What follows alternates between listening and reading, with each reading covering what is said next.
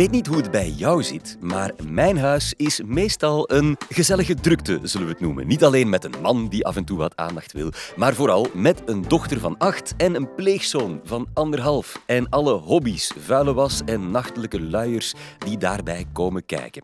Het is een voorrecht om te mogen vaderen, versta me niet verkeerd, maar er komt toch ook flink wat stress bij kijken om alles te managen. Professor Marianne van der Hasselt komt ons mee wegwijs maken in die razend interessante paradox van het ouderschap. Welkom bij de Universiteit van Vlaanderen.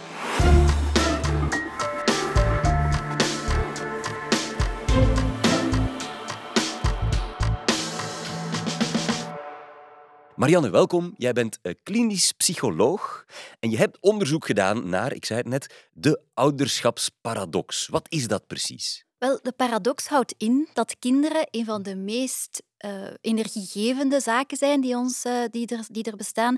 Namelijk, ze zijn uniek, ze geven ons heel veel mooie momenten. Ze laten ons toe van te genieten van allemaal unieke zaken. De, de eerste pasjes, het, eh, het, feit dat zij ook de gekke dingen dat zij soms zeggen. Dus ze geven ons enorm veel energie, maar tegelijkertijd door het, hun gedrag, door de onvoorspelbaarheid van de situaties, bijvoorbeeld het feit dat zij hun schoenen niet willen aandoen als ze vertrekken naar school, of het feit dat we vaak geen controle hebben over situaties. Denk maar aan de, het zinnetje dat iedereen hè, vaak zegt, soms als mantra gewijs, van het is een fase. Oh ja. Dat zijn hè, allemaal zaken die ervoor zorgen, die de kenmerken eigenlijk dragen, het onvoorspelbare, het oncontroleerbare, ook heel vaak nieuwe momenten, bijvoorbeeld de eerste keer naar de kribbe, eerste, eerste keer dat ze bepaald gedrag stellen, dat ervoor zorgt dat zij stress gaan uitlokken. Dus die paradox houdt in dat het het meest energiegevende is, maar tegelijkertijd ook het meest energievragende is wat er bestaat. En, en daar heb ik, uh, wou ik meer over weten. Ja, je hebt er zelfs een boek over geschreven, Ouders onder hoogspanning. Hoe ben je erop gekomen om, om specifiek dat nu te beginnen bestuderen als klinisch psycholoog? Dus als klinisch psycholoog kijken wij, we proberen gedrag te gaan verklaren vanuit de werking van ons brein en de werking van ons lichaam. En in het, ons labo, in het Gent Experimental Psychiatry Lab aan de Universiteit van Gent, daar lokken wij stress uit in het labo. Dus wij laten mensen interviews doen, wij vragen hen heel moeilijke taken uit te oefenen en dan kijken wij naar de reacties van ons brein, reacties naar ons lichaam, namelijk verandering van hartslag, verandering van pupilgrootte enzovoort. Nu, als ik thuis kwam, ehm, dan had ik het gevoel, ik heb drie fantastische kinderen rondlopen, maar dat zij ehm, hun gedrag ervoor zorgde dat ik ook op de tippen van mijn tenen ging lopen, dat ik vaak hè, mijn hartslag in mijn keel voelde, dat ik het gevoel had dat al die zaken die ik probeerde uit te lokken in het labo, dat ik die gratis kreeg feitelijk door die kinderen aan tafel.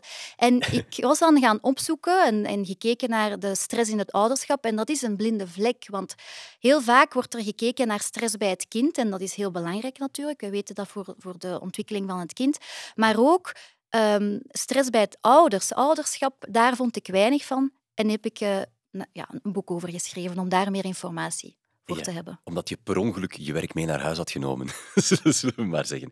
Uh, laat ons even uitzoomen. Hè. Uh, hoe, hoe werkt dat precies, het stresssysteem in, in ons lichaam en in ons brein? Ons brein bestaat uit verschillende delen. En dat is onder andere het emotiecentrum in ons brein, maar ook het rationele centrum. Het emotiecentrum ligt diep, dieper in ons brein en het rationele ligt meer vooraan.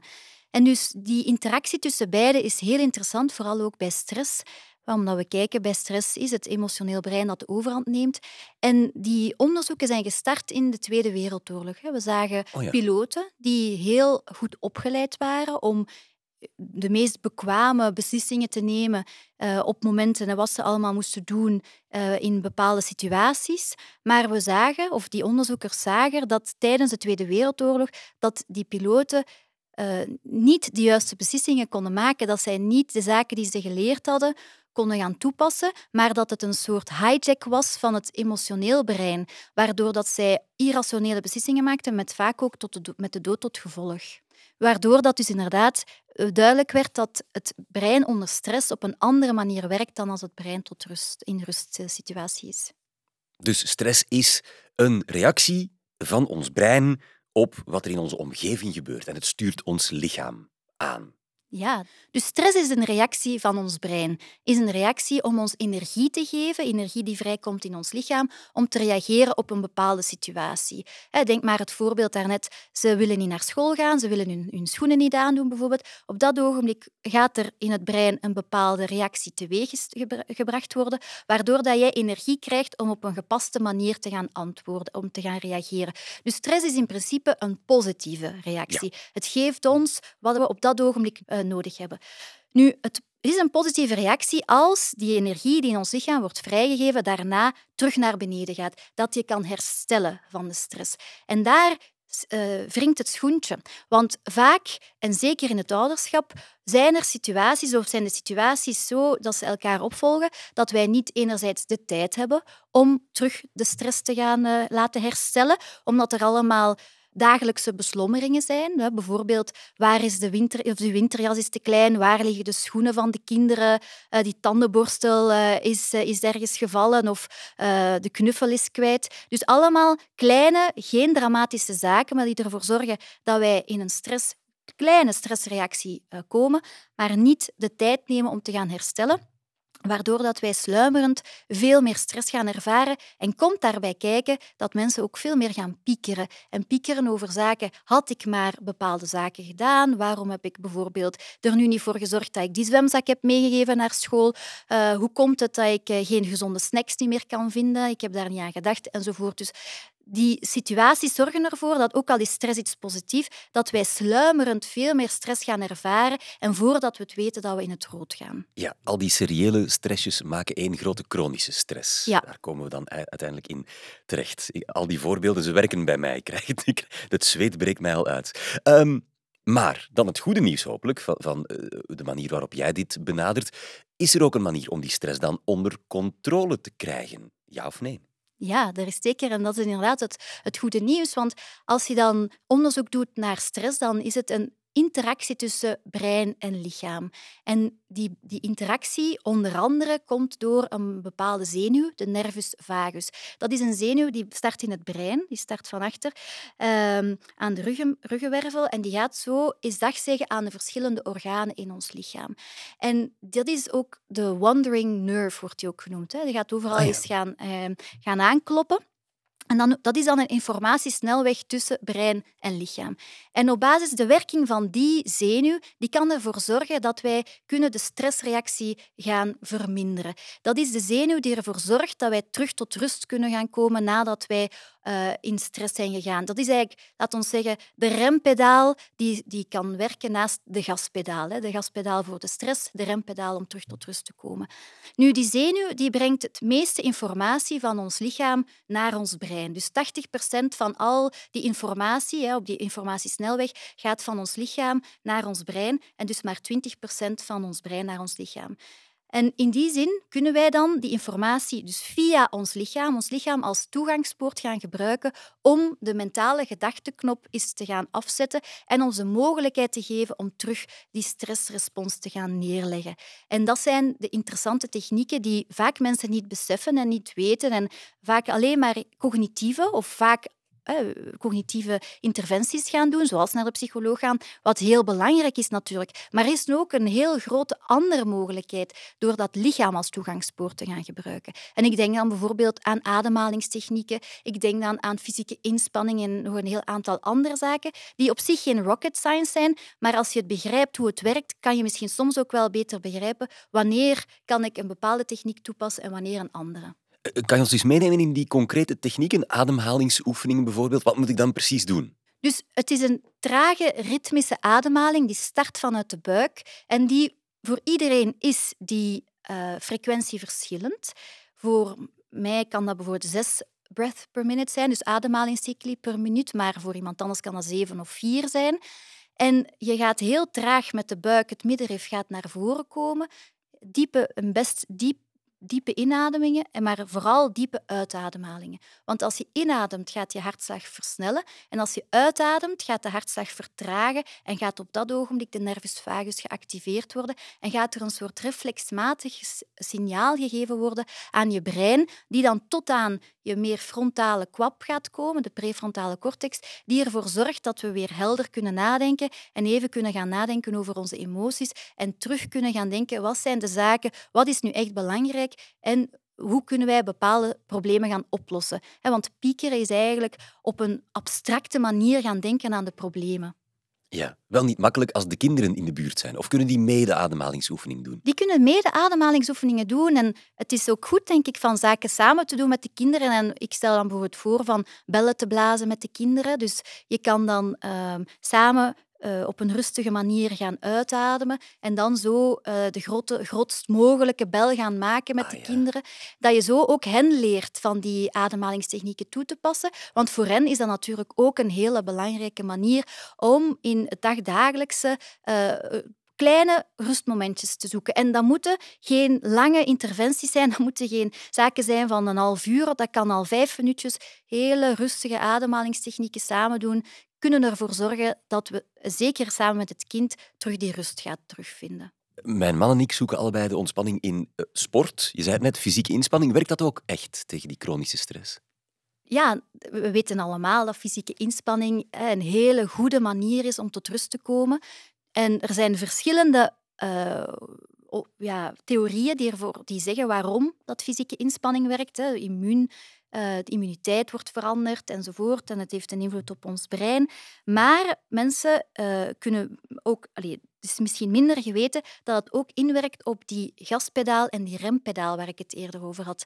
In die zin dat um, sporten zorgt er niet voor dat wij minder stress ervaren, maar sporten zorgt ervoor dat onze rem sterker wordt ingeduwd op het moment dat we hem nodig hebben. Want hoe meer dat wij bezig zijn met, al, met het dagelijkse leven, een soort die rat race, hè, van hier naar daar hollen, waardoor dat we sterk op onze gas aan het duwen zijn, we weten dat hoe harder mensen in in, in, in, in snelheid gaan, hoe moeilijker dat is om op de rem te duwen. En sporten maakt ons mogelijk van sneller en dieper in die rem in te duwen. En op die manier is het wel belangrijk, denk ik, dat mensen regelmatig sporten, maar intens sporten.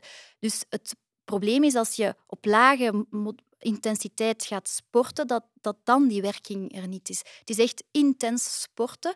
En dat hoeft ook weer niet lang te zijn, maar het idee is eigenlijk dat je de energie die vrijgemaakt is door de stressreactie, dat je die gebruikt door te sporten en dus die energie vrij te maken op die manier, dat je die energie anders zou kunnen gaan gebruiken om te gaan piekeren. Want die energie door de stressreactie is vrijgemaakt. Je moet hem dan maar op een goede manier gaan kanaliseren en gaan gebruiken voor het sporten bijvoorbeeld. En nog zo'n volkswijsheid buiten sporten en, en goed ademen.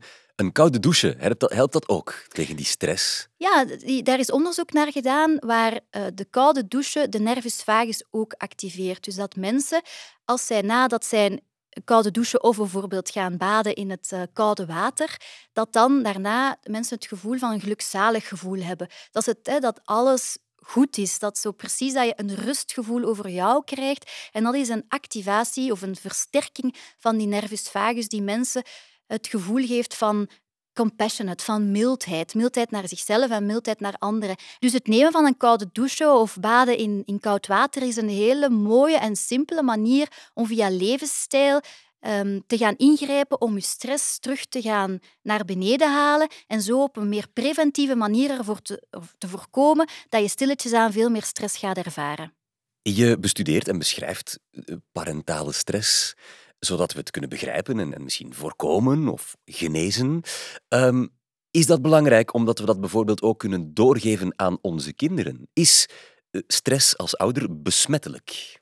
Stress is zeker besmettelijk. Het goede nieuws is dat rust ook besmettelijk is, maar stress is, is besmettelijk. In die zin, er zijn studies gebeurd die keken naar als een ouder stress ervaart en het kind komt dan bij de ouder, dat dan het lichaam, dus die veranderende hartslag, die veranderende ademhaling, dat die ook bij het kind uh, wordt teruggevonden. Ook al heeft het kind niet die stresserende ervaring meegemaakt. En daarom is het zo belangrijk om stress goed te begrijpen, omdat het inderdaad besmettelijk is en kan doorgegeven worden. We zien ook dat de hersenen op een bepaaldezelfde golflengte bij mensen die een goede band hebben, dat die de, de brein en vooral die prefrontale regio dezelfde frequentie gaat gaan aannemen en dus letterlijk en figuurlijk dat ouder en kind een, een, een band gaan opbouwen. Maar we zien dat bij stress gaat die band tussen ouder en kind uh, verminderd worden. En gaat dus het, het ervoor zorgen dat die, die band tussen de twee veel minder wordt en waardoor dat ook het kind ook meer stress zal gaan ervaren. En wat als we hier nu te weinig aandacht voor hebben en die stress blijft zich ophopen bij ouders? Wat, wat, wat kan er dan gebeuren? Worst case, laten we zeggen. Ja, dus een stressreactie heeft de neiging van zichzelf in stand te houden. Dus als ouder, je zit in een bepaalde uh, en, en, we willen het allemaal wel goed doen voor onze kinderen. We weten dat er ook heel veel soorten stress bestaan die gelinkt zijn aan het ouderschap. Ik denk dan aan de keuzestress. Hè. Er zijn, we willen het heel goed doen, maar doordat er zoveel keuzes zijn, hebben we ook heel veel wat-als gedachten. Wat als ik een ander kerstcadeau had gegeven voor mijn kind, had dan, enzovoort. Maar er zijn ook uh, soorten stress van multitasken. We willen um, alles tegelijkertijd doen, heel veel bordjes in de lucht houden, maar tegelijkertijd put ons dat volledig uit, want ons brein kan geen verschillende dingen tegelijkertijd doen. Denk dan aan bijvoorbeeld huiswerk begeleiden terwijl kook ondertussen nog uh, mails beantwoorden en sms'en beantwoorden. Wij putten onszelf uit. We hebben ook de sociale vergelijking, dat we onszelf vergelijken. Er is geen goed ouderschapsniveau. we weten niet wat dat goed ouderschap is. Om dat te kunnen bedenken, vergelijken we ons met andere ouders. En wat ook heel veel stress met zich eh, meebrengt. En tenslotte ook eenzaamheid. Uh, ouderschap is de, de drukste eenzaamheid. We zien heel veel mensen, maar we hebben weinig tijd om echt verbindende gesprekken te hebben. En al die zaken gecombineerd kan ervoor zorgen dat er dus sluimerend meer stress komt, dat ons lichaam veel meer energie vrijmaakt. Maar die energie vraagt natuurlijk heel veel van ons, waardoor dat we op termijn volledig uitgeput kunnen geraken en kunnen komen tot een parentale burn-out. En mijn collega's van de UCL zijn daar echt wel wereldautoriteit in, in die zin dat zij daar heel veel onderzoek naar gedaan hebben en het toch een belangrijk fenomeen is. Meer en meer uh, komt dat voor. Klinkt als stof voor een volgende podcast. Mag ik je voor nu danken, professor Van der Hasselt, voor de interessante en zeer herkenbare inkijk en de nuttige tips. Ik ga straks nog wat bellen blazen thuis, denk ik.